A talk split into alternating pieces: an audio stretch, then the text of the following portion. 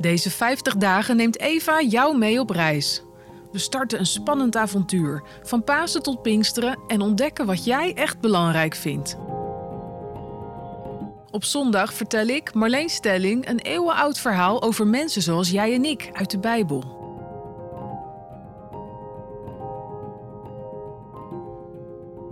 Jezus heeft het er tijdens zijn leven maar druk mee. Naarmate hij bekender wordt, willen mensen hem de hele dag doorspreken. Veel mensen zijn ziek of kunnen niet zien, niet lopen.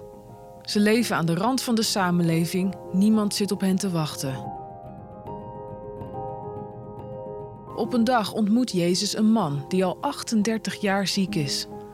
De man zit in Jeruzalem bij een soort badplaats. Het water uit de bron zou genezende krachten hebben. Veel mensen bezoeken de plek.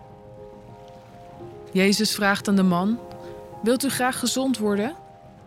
De man antwoordt: Ik heb geen mens om mij in het bad te helpen, en terwijl ik mij erheen sleep, is een ander mij al voor.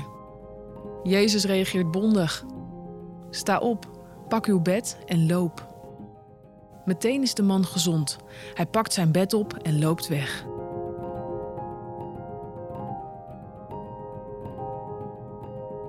Soms kan iemand iets tegen je zeggen en plots ziet alles er anders uit.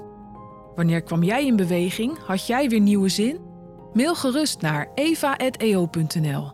Wil je verder lezen? Ga dan naar Johannes 5 in de Bijbel in je boekenkast of online.